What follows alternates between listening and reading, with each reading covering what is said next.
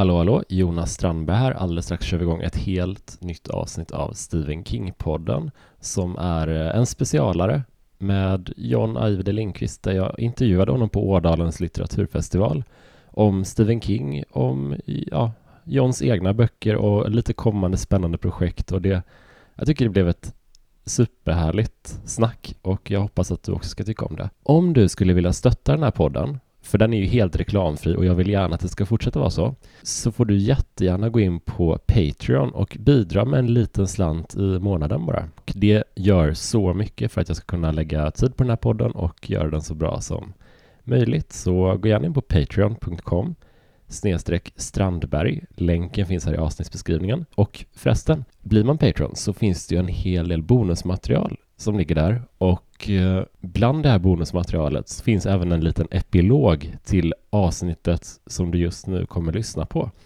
Eh, när eh, publiken fick ställa frågor till John efter min intervju och det blev också superhärligt tycker jag. Så bli gärna Patreon. Så ja, hoppas jag att du ska tycka om det här avsnittet.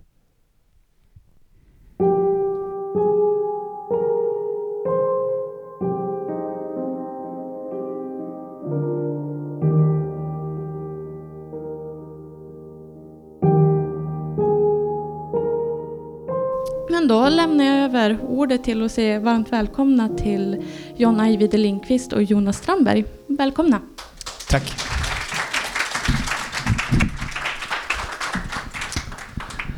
Hej, vad kul att så många kunde komma hit och eh, höra om, på lite nördsnack om Stephen King. Mm. Och det är så kul att ha med dig på det John. Ja, tack. Vi har ju pratat, alltså, jag tror du var den första personen jag frågade när jag startade upp den här podden för typ ett år sedan om du ville vara med och äntligen får vi till det. Ja. Det är så kul. Ja. Vad, kan inte du berätta om ditt första möte med Stephen King? Oh, alltså jag är en av de här typiska, det finns både killar och tjejer, män och kvinnor, men det är företrädesvis killar som blev liksom någorlunda traumatiserad i en tidig, tidiga tonåren av uh, Pet Cemetery. Mm. Uh, djurkyrkogården. Uh, som jag vet, jag, jag bodde hemma hos min, uh, jag har en jättekonstig historia, men jag berättar den i alla fall. Jag, jag bodde över hemma hos min mormor.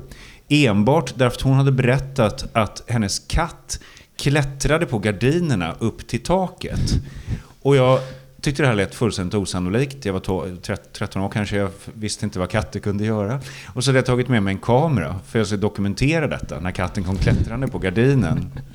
Och så hade mormor via sin bokklubb, hon hade hört via att jag läste mycket Kalla kårar och det där med skräck och sånt.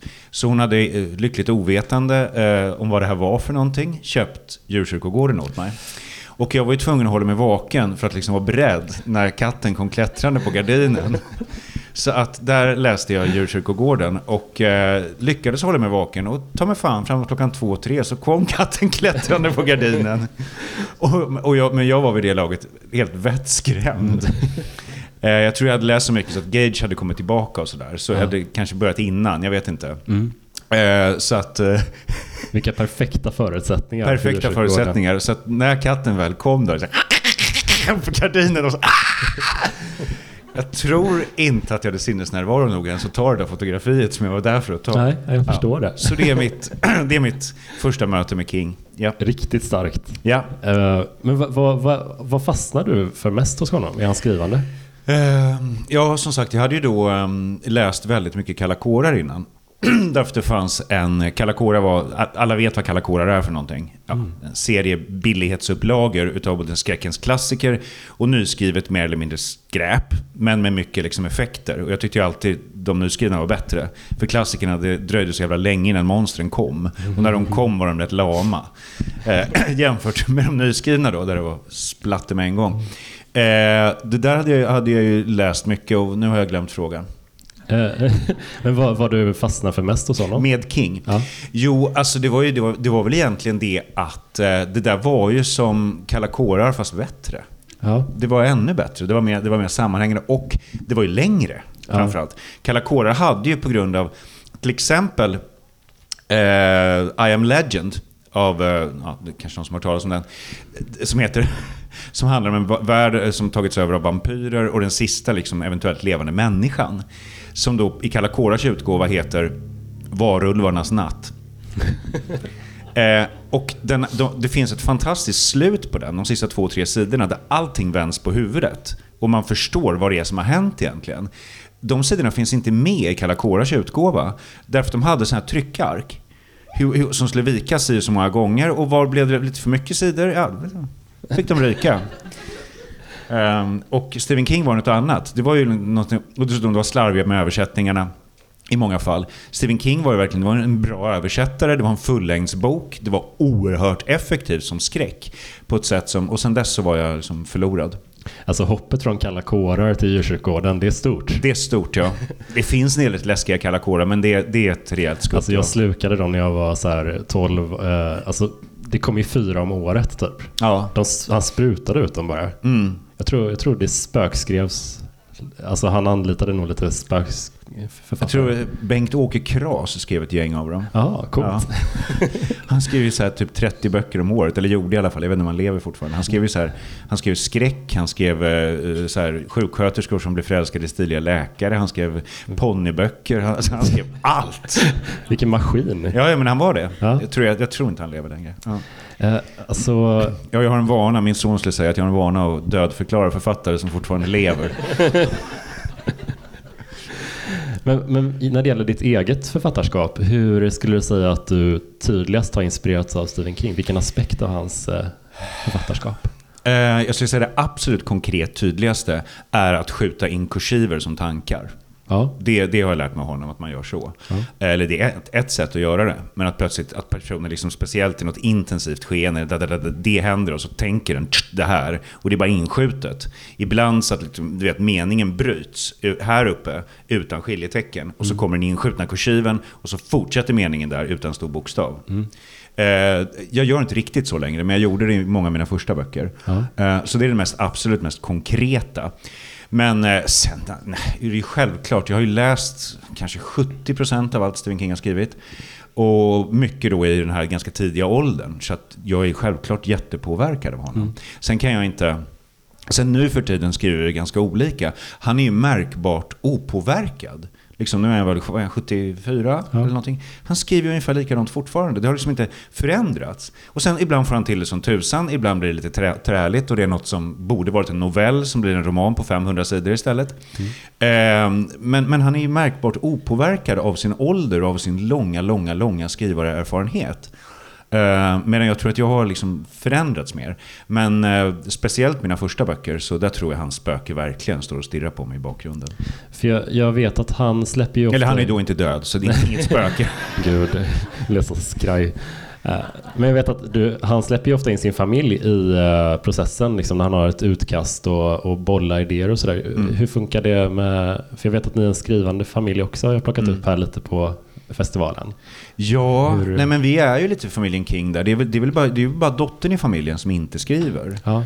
Uh, både Owen och, och Joe Hill skriver ju och Tabitha har ju skrivit flera romaner. Så att, nej men eh, det, det är nästan på exakt, jag vet inte exakt hur deras familjeprocess fungerar. Men vi har ju också, både jag och min hustru och numera även min son som snart blir liksom publicerad författare. Vi har ju sedan många år tillbaka, sen Fritiof, vår son, blev så pass gammal så att han kunde jag ville att han skulle läsa mina grejer. Mm. Eh, så har han varit en av mina viktigaste så här, kritiker och, och första, eller andra läsare egentligen. Eftersom jag läser allting högt för min hustru vart efter jag skriver det. Mm. Inte varit medan jag skriver det, herregud. Men när jag har 10, 15, 20 sidor så ja. läser jag dem högt för henne. För att kolla, liksom bara checka av som en så att man, man som piloter gör de här små justeringarna. Mm. Eller ibland lite större justeringar, jäklar för nu kommer vi, annars kommer vi störta. eh, så det är, det är en väldigt viktig del av min eh, skrivprocess. Att ja. först läsa för min hustru och sen i nästa vända när jag har eh, papp, skrivit ut det på papper och gjort min första egna redigering. Mm. Sen läser de två och en eh, annan kvinna i familjen som är en väldigt bra läsare också. Mm. De tre läser det och eh, ger synpunkter. Det är många filter. Ja, oh ja. Nej, men det här gör ju att, um, jag, jag, har hört från min förläggare då, Ordfront, att mina manus tillhör de som är absolut mest liksom, färdiga när de får dem. Mm. Just för att de är tröskade i flera varv mm. innan.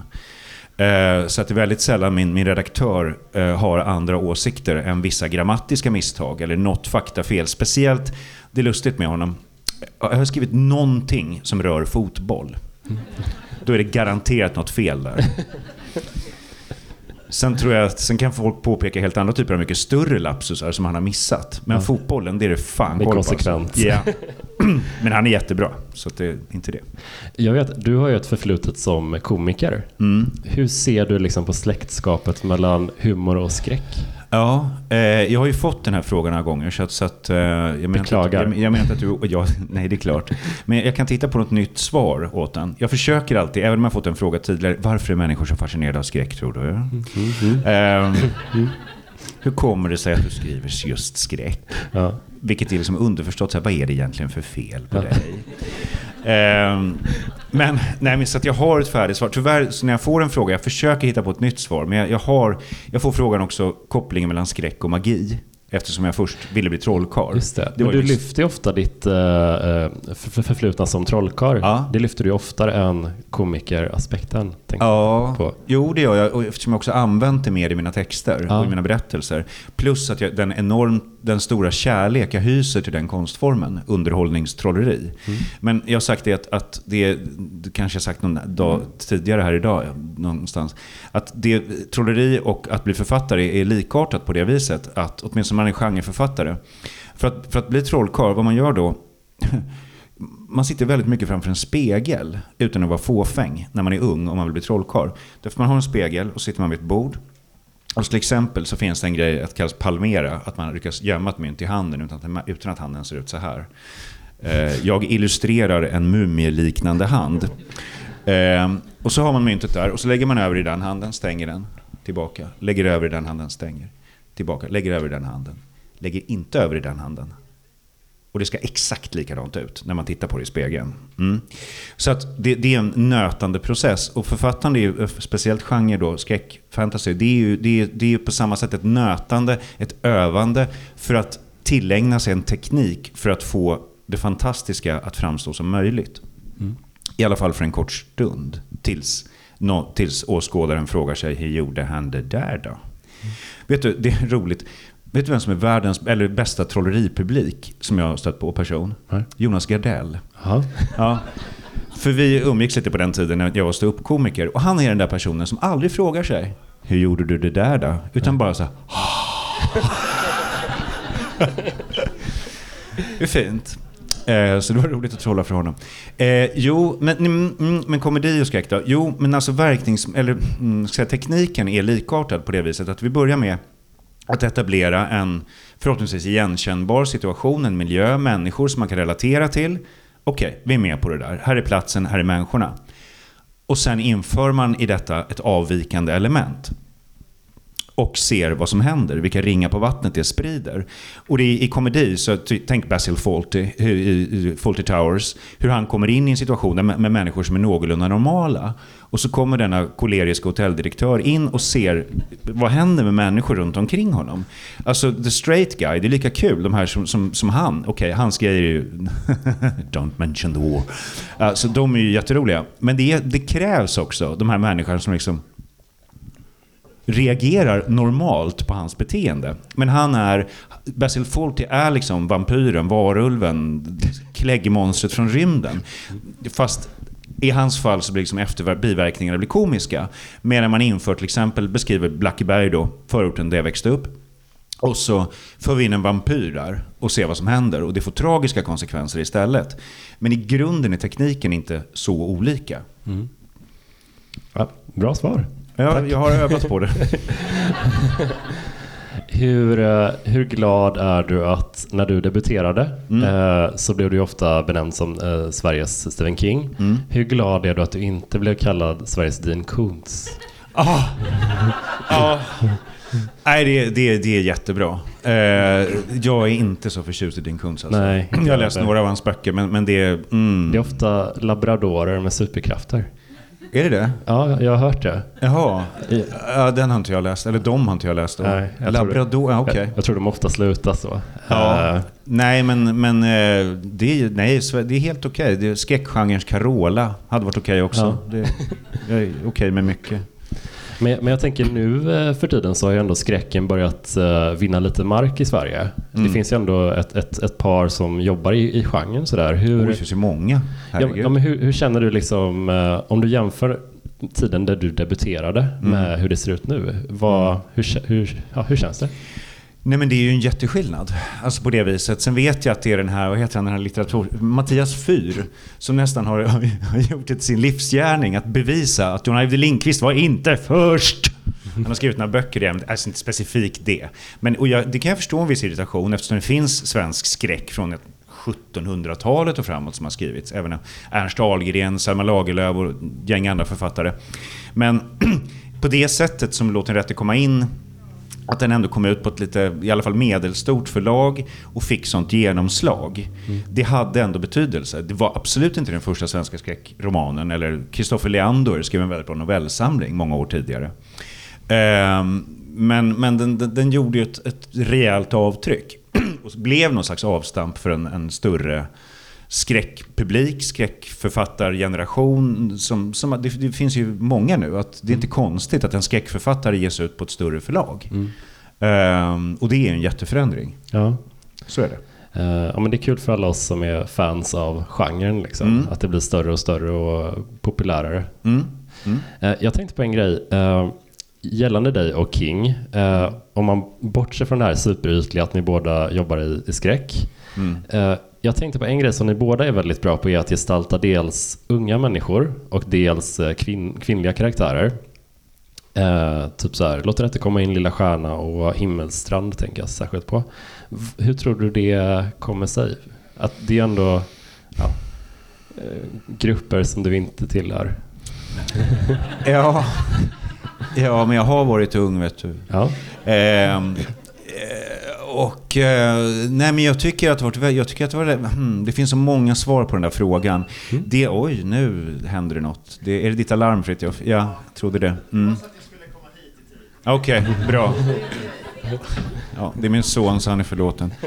Ehm, jo men det finns så många anledningar till att det är bra att använda unga människor i skräck. Alltså dels Alltså, mm, dels så är det ju det här att beskriva människan under en väldigt formativ period. När det avgörs vem man ska bli senare i livet. Och de grejer som påverkar ändå. Och den enorma påverkan som, som kontakten med det övernaturliga måste innebära. Och även det här som jag sa tidigare, att det, fant- det, det lysande med en 12-åring i en, ett skräcksammanhang är att en 12-åring som ser en, en människa som blöder från munnen och har vitt stirrande ögon och går med utsträckta armar och låter... En vuxen människa tänker, var är kamerorna? Medan en 12-åring fortfarande kan tänka, fan en zombie. Eh, på riktigt, eller Ja. åtminstone hålla möjligheten fullständigt öppen. Eh, så det är dels det här med öppenheten inför det andra. Eh, och plus det här att det, är kul att beskriva människor under de åren när identiteten formas. Plus att det alltid är otäckare när barn som blir utsatta. Mm. Absolut. Ja. Eh, jag, jag har ju många barn och ungdomskaraktärer. Det, jag, jag, nej, jag tycker... Men jag- kvin- kvinnorna då? vad sa du? Kvinnorna? Ja, det, jag vet inte riktigt. Jag, jag är inte så, så säker på att jag är så bra på att skildra kvinnor. Jag, jag, har, jag har mycket kvinnliga karaktärer, det har jag. Eh, och jag har aldrig riktigt... Det, det där... Det där är svårt. Jag, be, jag, behöver, jag behöver för en berättelse, när jag väl börjar anta konturerna av berättelsen, så behöver jag ett antal karaktärer. Och vissa av dem blir bara kvinnor. Det där kan jag inte riktigt eh, förklara. Men till exempel Lilla Stjärna, den hade, jag inte, hade inte alls blivit samma berättelse om det hade varit två killar. Eh, det är, det är framför allt för att den utgår ifrån någon slags fullständigt förryckt girl power. Att, också att jag hade den ursprungsbilden med Lilla Stjärna. Det kanske är någon som har läst den. Ehm, det är för övrigt min favoritbok av de jag har skrivit. Ehm, ja, det här hänger samman med att jag har en tendens att tänka så numera. Det är inte för att någon fel i skallen på mig. Utan för den, på den tiden jag var ståuppkomiker då var det så här, ja men segelbåtar ligger det här och förtöja med segel. Vad finns det för roligt med segelbåtar? Vad kan det hända? Associerat att angöra en brygga, där, där, där. Hitta på något kul om det här med folk i segelbåtar, vilka kläder de har. Så här, hitta på något kul kring det. Nu är min hjärna liksom uppspårad för att tänka liksom, vad otäckt kan hända ombord på en segelbåt. Och det var så, och speciellt grejer som jag verkligen tycker om. Och det var första gången jag såg Allsång på Skansen. Eh, när Anders Lundin var programledare fortfarande. Mm. Och jag hade aldrig sett det förut. Och det var så här, tårarna började rinna för jag tyckte det var så jäkla fint. Med den här vackra solen, alla människor som sjöng och var så glada. Och alla de här unga tjejerna framme vid kravallstaketen som var så här, ja. Och framförallt de unga tjejerna tänkte jag liksom, okej, okay, om all den här glädjen och all den här liksom intensiteten i den åldern, framme vid kravallstaketen, om allt det där liksom kom ur mörkret och det där handlade om illvilja och ondska. Ah, det där. Om den gruppen tjejer kom in och ville grejer på Allsång på Skansen, vad skulle kunna hända då? Mm. Och där började den boken. Ja. Ehm, och, det, och, det, var helt naturligt att det måste vara en tjejgrupp. Ehm, jag är väldigt förtjust i den boken också. Det är kul att huvudpersonen, en av dem, är ju ändå så ett nättroll. Ja, just det. Som du ändå lyckas humanisera. Ja, just det. Ja, hon antar olika identiteter på nätet ja, och bara, bara går in för att göra folk förbannade. Ja. Ja, sådana här djurrättsföreningar där hon berättar att inget smink är bra om det inte är testat mm. på djur och sådär. Uh, jag tänker så här, uh, om uh, vi ska hoppa tillbaka lite till King en liten stund. Ja, herregud, vi pratar ju knappt om Stephen King. Nej, men det, jag, jag älskar bara att prata om allt som har skräck och ja. du, du, är en bra, bra person att prata med det om. men topp tre King-romaner? Topp tre King-romaner? Ja. då säger jag The Dead Zone, det är min favorit. jag säger The Shining och jag säger Finders Keepers. Jaha. Mm. Kul blandning. Det är mm. udda för det är andra gången Död zon dyker upp. Mm. Eh, Mats nämnde den också som en av sina favoriter. Mm. Nej men King har väl själv sagt att det, det då i alla fall när han skrev om writing så tror jag han sa att eh, det är den enda av hans romaner som han har planerat från början till slut. Ja. Och jag kan då tycka att han kunde göra det lite oftare. För jag ja. tycker den är väldigt bra. Ja. Jag gillar ju Mercedes-trilogin också väldigt mycket. Mm. Eh, hur han placerar ut alla spelare på, på ett bräde känns det mm. nästan som och sen så bara förs de samman. Mm. Det är ju väldigt, det, det, är härligt när det känns så medvetet. Men jag tycker speciellt Finders Keepers, det är också en bok som känns som den faktiskt är genomkomponerad. Mm. Inte bara jag har en vag idé om slut så får vi se vad som händer. Som han, han skriver mycket så, det säger han ju själv. Mm. Att han liksom har något väldigt vagt, dimmigt skelett ja. och i någon form av slut. Men sen så skriver han bara på och ser vad som mm. händer. Så gör jag också i viss mån, men jag har en hel del planering också. Men. Finders Keepers tycker jag är suverän. Mm. Men uh, Shining också? Ja. Också därför att jag blev så jäkla rädd när jag läste den. Ja. Det är en scen som inte är med i filmen där, där pojken är instängd i någon tunnel på lekplatsen. Och snön har rasat ner på båda sidor om jag inte minns fel. Och han är inne i den här mörka tunneln. Ja. Jag tror den var ganska inspirerande. Den var för en scen i Låt rätte komma in. Där eh, det är en kille som är instängd i totalt mörk, mörklagt skyddsrum. Mm. Tillsammans med den här zombie-Håkan. Mm. Ja, gud. Är, det, är det en sån scen som en av de scener som har etsat sig fast mest? Eh, ja, den måste ha gjort det. Ja. Och, det är just, och min scen i Låt rätt komma in, det är första gången jag faktiskt låter, enda gången jag låter ett faktiskt mirakel ske. Och aldrig på något sätt förklara det. Att plötsligt blixtrar det till. Mm. Och det är som ett ljus in i rummet så att Tommy då kan se den här tändaren som han har tappat för att kunna få lite ljus. Ja. Det är enda gången det sker ett mirakel egentligen i någon av mina böcker. Men, men, jag har hört att du, du är på väg tillbaka till lite så här klassisk hård skräck. Ja då. Hur, hur känns det skiftet nu? För du har ju ändå eh, rört dig lite i det så spirituella, lite mm. filosofiska i, i platserna till exempel. Oh ja. Mm. Eh, hur känns det att gå tillbaka dit? Uh, det känns bra för mig, det känns sämre för min hustru. Som har tvingats lyssna på det här då. Ja. Uh, och um, den, den, den, den boken som är färdig, den blir bara typ 100 sidor i tryck, så det blir en kort roman som heter Svinen. Det är första gången det har hänt. Med allt hemskt jag har skrivit Döda paret i rörelsen, eller så här, för de som har, har läst den. Uh, Svinen är första gången som min hustru under högläsningen har sagt till mig, nej John, jag vill inte höra mer mm. på den här. Det är första gången det har hänt. Eh, för, men det var en riktigt överjävlig scen där en person som blir fri, levande friterad. Men, eh, och det beskrivs ganska ingående. Men eh, sen berättade jag vad som skulle hända i resten av boken. Och sen så gick hon med på att lyssna. Ja. Men sen håller jag på med en till som heter Värdet. Som är en slags kontorsslasher. Och där, alltså extrem slasher. Den är fruktansvärt grafisk beskrivning av så här, över, totalt övervåld. Men, eh, och den ska dessutom ha en sån här helt uppfuckad tidsstruktur. Eh, som ett spel som heter Forbidden Siren.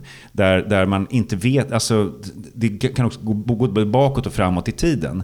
Så det är lika mycket, liksom här ligger ett avklippt öra. Hur, varför är det där? Ja, några kapitel senare så dyker den här saxen som användes upp. Jaha, där var den. Okej, men vem var det som gjorde det? Ja, det kommer några kapitel senare. Till exempel. Och sen plötsligt hoppar man läng- mycket längre fram i tiden och sådär. Så den kommer bli väldigt svårläst. Eh, Låter toppen. Ja, men det, det var problemet med min hustru. Den har de faktiskt fortsatt att ägra. Därför jag började med att läsa alla dödsscener jag hade skrivit. Och de är riktigt groteska. Eh, Men jag skulle nog lyckas övertala. Men är du, är du en slasher-älskare alltså? Ah, Inte specifikt, men absolut. Jag, jag ser mycket skräckfilm och absolut, jag gillar den. Vilken gillar är den din, eh, vem är din mördare? Min favorit? Ja, Ja, det är Michael Myers. ja det är så. Ja. Ja. Jag är Jason. Du är Jason. Jag gillar, gillar looken. Men de är så dåliga. Ja, de är ösiga. De är ösiga. Jason takes Manhattan. Ja, men Ah. Kevin Bacon, kniven i ryggen. Ja, ja, ja, ja. Det, Jo, jo. det, det är en bra scen. Nej, jag håller på... Det är en på, bra kill. Nej, alltså Pinhead är min etta, men det, det hör inte till slasher, så, att, så att det får bli... Det är en annan typ av Hur, hur, var det, hur var det Fritiof? Det- det- Freddy vs Jason, någon som fullständigt hade missuppfattat titeln, vad var den? Ja, någon som helt ville rekommendera denna film. Jensen vid Freddy Krueger. Freddy vs Jason. Ja. Men, men när du skriver slasher nu då, vad, hur jobbar du med uh, amen, eh, dödsfallen liksom? Tänker du att konsulterar du ibland så här någon medicinsk expert eller hur? Nej, Du bara går jag på... bara hittar på. Ja, så här jag- känns det när man... Jag har sett så mycket slashers. Och i vissa, vissa grejer så måste jag kolla upp lite grejer på nätet. Ja. Eh, så här, titta på några hemska bilder ibland som jag skulle önska att jag inte sett och sådär. Men, men, eh, nej, men i stort sett tittar jag på. Det, det är bara att använda så mycket sinnen som möjligt. Eh, för att, för att göra en, läsaren så närvarande som möjligt i, i allt det hemska. Och sen så har jag alltid, även i det mest jävliga, så finns det ju eh, humor. Mm. Eh, det är ju hyfsat skruvade karaktärer på det här kontoret. Men det var roligt att titta på. Okej, vad kan finnas på ett kontor som kan användas för att döda människor på hemska sätt? Men sen börjar sägas den här killen som gör det då, som har blivit blåst av den här mäklarfirman på alla sina pengar, blivit av med sin gård, sin licens att ha djur, hans fru har lämnat honom. Han packar med sig ett gäng verktyg också innan han åker till det här kontoret. Så att, eh, ja, Det löser sig. det löser sig. Toppen. Vad... eh, Fast det bör också sägas, till exempel nu, det blir en tendens när min son och hustru här. Jag, den här svinen då som, som är så fruktansvärd. Eh, jag har aldrig hört min son skratta så mycket när han har läst ett av mina manus. Och han tycker fortfarande det är absolut den roligaste boken jag har skrivit, för den är inte klok.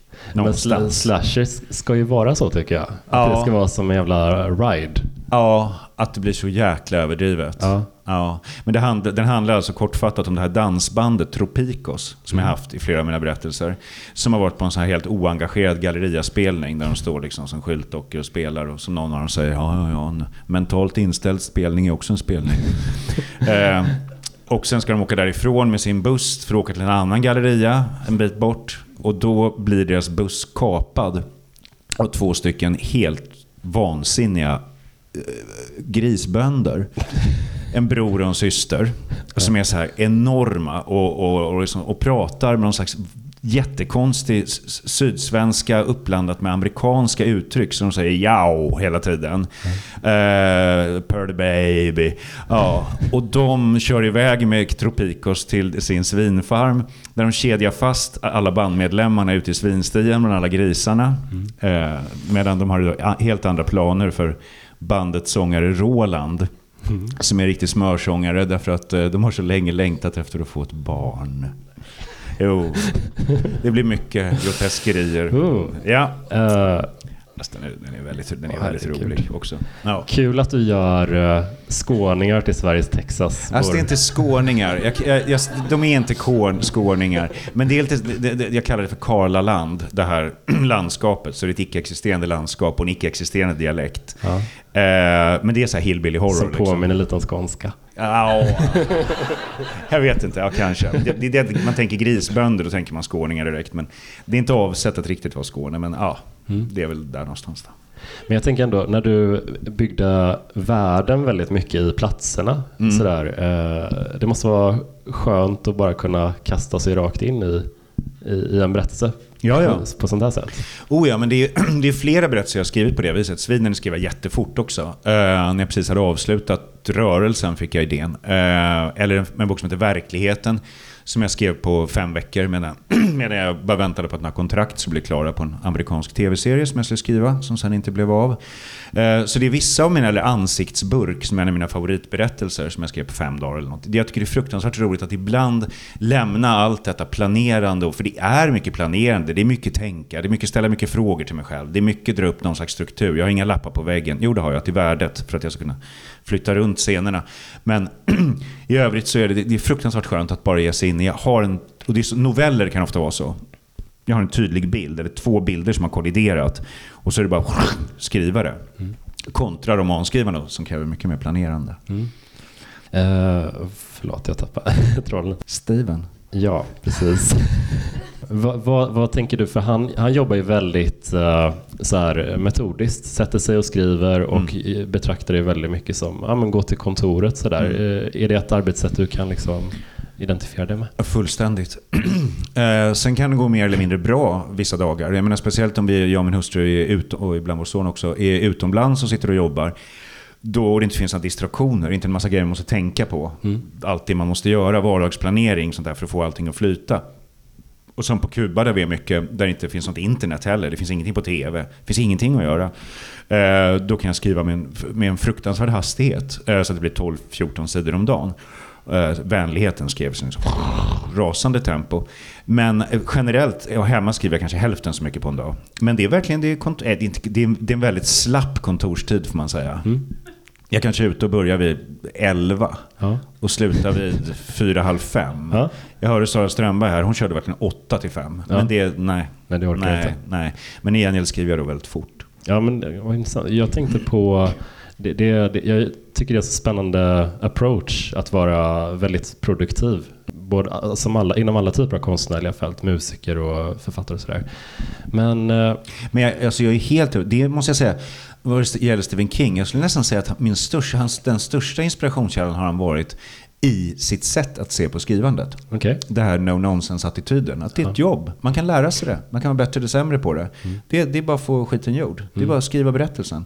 Mm. Uh, och inte ha att, liksom, att det är ett konstnärskap. Det är något mystiskt. Det är något, liksom en högre makt. Alltså, det är inte så många, framförallt manliga författare, som håller på på det viset längre. Men eh, det, det, finns ju fortfarande och det, det är det värsta jag vet. Alltså. Nej, men jag har jättesvårt för den attityden. Att, att det är som något så här, åh, det är något, åh, det är något alldeles speciellt ja, jag håller på med. Nej, det är det inte. Det är det inte. Men vad, vad tror du det är för hans eh, King, Kings filmatiseringar eh, mm. eh, svajar ju väldigt, väldigt mycket i kvalitet. Oh, ja. Mycket, mycket mer än, än hans romaner tycker mm. jag åtminstone. Och mm. vad tror du det beror på? Varför har folk så svårt att översätta hans berättelser till filmer? Nej men det finns ju ändå ett gäng. Det finns väl, måste finnas tio stycken som är riktigt bra, eller till och med eller med mästerverk. Ja, fast nästan menar, alla har ju filmatiserats. Ja, men det är, det är ju det som är problemet. Det är kvantiteten som är problemet. Ja. Jag menar, hur många bra Children of the Corn kan man göra? Liksom? nästan en. Nästan en, precis. Och, och, noveller som kanske inte passade så bra för att bli filmade. Men det är bara att kunna sätta Stephen King-namnet på det. Ja. Uh, så det är självklart därför att det är mindre begåvade människor som på något vis har lyckats skrapa ihop pengar för att göra en King-film. För att de har på något vis fått rättigheterna uh, att göra det. Och det, det är helt enkelt därför. Jag menar, det är, har man bara någorlunda schysst story, har man en begåvad regissör, då kan det bli ett mästerverk. Ja. Det, så att, eh, nej, det är bara kvantiteten som gör att det finns så mycket skrot. Mm. Jag har ju faktiskt inte blivit skrotutsatt ännu, nej. men eh, det kommer väl någon gång. Skönt. Men, Tvärtom. Ja. Herregud vilken tur jag har haft. Men om, om, du får välja så här, en av dina icke, en, ännu icke filmatiserade berättelser, vilken mm. skulle du vilja helst blev Ja, eh, alltså hanteringen av odöda är filmad och klar nu, mm. kommer i höst. Eh, fast den, den tycker jag är den sämsta bok jag har skrivit, så det, det skulle jag inte säga. Eh, jag skulle nog väldigt gärna vilja se Lilla Stjärna. Ja. Bra gjord. Mm. Det, det skulle jag. Nu är det mycket projekt som pågår eh, och ett där jag har sagt att jag vill skriva manus. Det är ett brittiskt bolag, men till verkligheten. Mm. Den är jag väldigt förtjust i. Mm. Eh, och vill skriva manus till själv så att det blir liksom så som jag tänkte. Ja. Sen kommer ju regissören in och ändrar en massa. Men, så jag, jag, säger då Lilla Stjärna och verkligheten. Ja, den hade jag verkligen jättegärna velat se. Eh, ja. vad, eh, vilka är dina absoluta favoritkaraktärer i Stephen Kings stora, stora galleri? Oj. Vilka håller du liksom här? Eh, ja, men det får ju bli John Smith då, i The Dead Zone. Mm. Åh herregud. Och så tycker jag väldigt mycket, och jag gillar Bill Hodges Ja. i Mr. Mercedes-trilogin. Sen är det ju så många man inte minns. Han är ju en revolverman tycker jag. Alltså Bill Hodges. Han är Ja. så riktig skiter i allting. Ja. King gillar ju det. Jag jag har börjat tänka mer och mer på det. Att han gillar ju westernhjältar väldigt Ja. mycket. Både i Dark Tower och ja, Mr. Mercedes. Och det, det är ofta så här folk som bara, ja men vi löser det här ja, just det. på mitt sätt. Den attityden ja. Ja. ja. Sen tycker jag, det är en sak som bör sägas också. Jag tycker, nu läst, senast läste jag Fairy Tale, som är en saga då. Så jag tyckte var riktigt bra. Men speciellt för att den innehåller ett så långt parti med det som jag tycker King är allra bäst på. Och det är vänskap.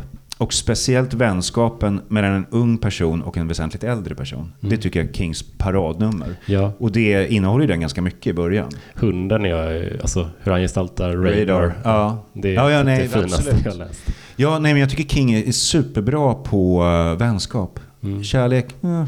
Mm. sex. mm. Jag funderar på att göra ett specialavsnitt med, med topp 10 sexscener i Ah, King. King. gång. Ja, nej, de är inte, de är inte Nej. lätta att ruska fram alltså. Ja, Topp 10 kan man avgöra vad det innebär. ja. Men Eh, som sagt, vänskap tycker jag är fantastisk på. Mellan alla typer av människor. Men speciellt mellan unga och äldre människor. Men, men jag, han får ju ibland höra det där, liksom, man hör ibland om King att han är bra på att etablera trovärdiga eh, miljöer och personligheter som man tycker om. Mm. Men att sen när eh, steget ska tas in i det övernaturliga, det, Mm. det, det blir ofta ett stort hopp liksom där. Eh, lite så i Fairytale, fast jag tycker väldigt, väldigt mycket om den Mm. och ändå. Men det är det här, det här tröskeln som är, känns som Ja. ett återkommande problem när det gäller hans... Jag tycker egentligen inte inträdandet till den andra världen eller det här alternativa verkligheten eller monster eller vad det nu kan vara som, som på något vis inträder. Det, det tycker jag inte är så problematiskt. Däremot tycker jag att det ofta, och det har jag också fått höra, att eh, svårt med slutet ibland alltså. Bero, beroende på att han ofta inte har något slut. Och det är lite som, jag vet Per Sinding Larsen intervjuade Håkan Hellström en gång. Och frågade så här, men Håkan, i tre av dina låtar så har du bilden när clownerna har gått från jobbet. I tre av låtarna. Vad betyder det här speciellt för dig? Så här, nej, nej, nej, jag kommer bara inte på något annat. Jag, det är så jävla dåligt. Oj, oj, oj. Jag jobbar och kan inte prata på göteborgska då. Men, eh, och det, det, är lite som, det är lite Stephen King, det är att han kommer till en viss punkt. När det börjar närma sig slutet och säger ja, ehm, nej, vad fan vi kör på en stor jävla spindel igen. Alltså, vi, vi, vi tar det. Det funkar förut. Vad, Det var vad, du som påpekade det, var Fritiof. Ja. Mm. men vad- tror du är, varför tror du han har så svårt med sluten? Varför är det så svårt att hitta, knyta ihop allting? Därför, därför att han, han har jobbat, jag tror ofta han har jobbat väldigt intuitivt utan att ha någon just tydlig bild av slutet. Annars är det ungefär, kanske lite hur det ska gå för människorna lite grann. Men exakt Exakt vad monstret, eller hur han ska liksom eh, nå någon form av klimax eller överraskning eller eh, få något mer att hända. Ja. Det, den förhöjningen lyckas inte alltid med. Därför jag tror inte han planerar inte så noga. Så att det, då skulle man ha alla trådar, du vet, sammanfaller. Eller visar sig att det blir så här, aha, åh, det borde jag ha sett. Ah, fy fan vad tufft. Han är bara så här, okej, nu måste jag bara fan hitta på något. Ja, som får det att ta slut. Ja. Sen tror jag att han liksom, jag är väldigt otålig. Ja. Jag menar, han har uttryckt mycket hur han jobbar med att redigera sina texter och försöker vara inte slö, lämna det till en redaktör eller så, utan han ska göra det själv. Och, men lik förbannat tror jag han liksom jag är jävligt otålig. Att han har skrivit färdigt en berättelse och uh, tänker så här, ja, okej, om jag ägnar ett par månader åt det och ändrade det och det, då skulle det förmodligen bli bättre. Men vad fan, det är bättre jag skriver en ny Den är istället. typ klar. Ja, och så tänker lite jag också. Men Att, eh, det, det kan även vara mina, mina provläsare som kan ha eh, ganska ibland genomgripande åsikter. Att man skulle ju faktiskt, skulle inte vara bättre om man gjorde så här. Men det är en grej som kräver att ganska mycket ska omarbetas. Fattar. Och då är det så här, nej, det är bättre jag skriver en Men annan. vilken av dina böcker har du haft svårast att hitta fram till slutet?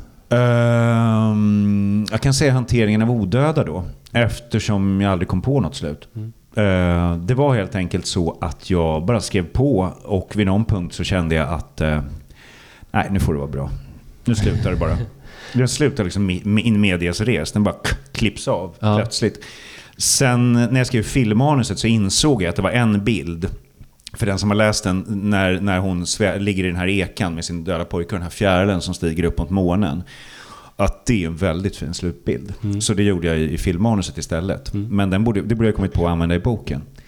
Men sen, sen kom jag på hur den borde sluta med storslaget. Och då skrev jag en lång novell som heter Sluthanteringen. Så där, där fick jag rättade slut. till den. Ja, där rättade jag till det lite. Men det är intressant att du nämner den för att min kompis eh, var på en signering eh, som du, när du hade släppt, jag kommer inte ihåg vilken av dina böcker, men min kompis nämnde då att eh, hans favorit var just hanteringen av odöda, Mm. varpå du svarade typ att det är din least favorite. Ja, nej, men jag säger Och det var några år sedan, när, när människor vill berätta för mig vilken... Nu har, eftersom jag skrivit så jäkla många nu så börjar det bli lite andra. Mm. Men ganska långt in så var det så varannan människa som ville berätta vilken som var deras favoritbok sa Mm. Hanteringen av odöda. Är det sant? Som är den bok jag själv är minst nöjd med. Vad Så- tror du det är liksom som skapar den klyftan? Eh, jag själv ser väl mer till bokens struktur och dess ofärdigheter och dess spretighet och grejer som inte är ordentligt utarbetade. Medan människor som tycker om den ser mer till eh, hur den känslomässigt har verkat på dem. Den här med relationen till döden och de kanske har en egen relation till döden. Ja. Eh, för jag vet också att det, två gånger har människor berättat eh, för mig att de har haft någon släkting, någon äldre eller så här, någon som har haft cancer och så, som har legat liksom och dött. Och så har de fått hanteringen av odöda present utav den här döende personen och sagt att läs den här. Mm. Ehm, så att ja, människor har, jag tror att människor har en relation till den av den anledningen. Men jag ser den som ett liksom litterärt verk, hur um, ofullständigt det är. Mm, jag fattar. Jag tänker vi kan knyta ihop säcken där. Okej, Det var jättetrevligt där. Yes. Eh, Så kul att ha med dig i podden och tack för att du ja, ville snacka lite King och skräck. Yeah, Det var väldigt trevligt. eller hur? Visst var det det. Och tack för att ni kom Ja, allihop. tack. Tack för det här. Tack.